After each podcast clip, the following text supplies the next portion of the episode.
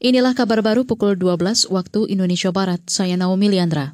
Pos pelayanan terpadu atau posyandu di seluruh Indonesia bakal direvitalisasi.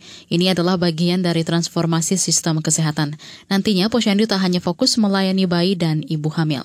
Berikut pernyataan Menteri Kesehatan Budi Gunadi Sadikin saat peluncuran Indonesia Health Service atau IHS hari ini. Jadi 300 ribu posyandu di Indonesia, rata-rata kadernya 5 sampai 10, jadi satu setengah juta sampai 3 juta tenaga kesehatan kita akan revitalisasi. Kita akan standarisasikan, kita akan formalkan ini, kita akan dukung oleh program pemerintah dan kita akan bilang bahwa posyandu bukan hanya fokus ke balita dan ibu hamil karena populasi kita sudah menua, tapi akan mulai dari ibu hamil, bayi, anak, remaja, suami, istri, dan lansia.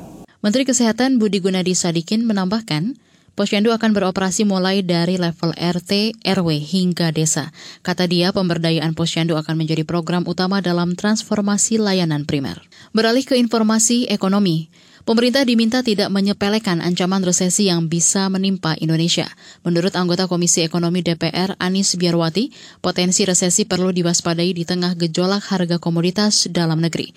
Politikus PKS ini juga meminta pemerintah mencermati negara lain yang telah mengalami resesi sekarang ini uh, masyarakat makin sulit. Uh, baru saja pulih dari pandemi, tapi harus diharapkan pada harga-harga, terutama pangan ya, yang sangat melonjak. Kemudian BBM juga naik dan seterusnya. Uh, kemudian utang kita juga menumpuk, begitu. Artinya kita harus waspada gitu, harus waspada gitu. Memang pemerintah mengklaim selalu aman ya untuk menjaga supaya ekonomi tidak goncang lagi, tetapi kita harus melihat kenyataannya bahwa ini menjadi warning besar gitu.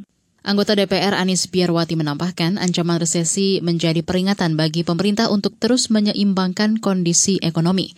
Menurutnya indikator utama seperti konsumsi rumah tangga, harga pangan, dan inflasi akan mempengaruhi daya beli masyarakat. Sebelumnya, saat bertemu delegasi IMF pekan lalu, Presiden Joko Widodo yakin potensi Indonesia masuk ke jurang resesi sangat kecil karena kinerja ekonomi yang masih terjaga. Kita ke soal lain. Komnas HAM memastikan akan menghadiri proses otopsi ulang atau ekshumasi jasad Brigadir Nopriansyah Joshua Huta Barat atau Brigadir J.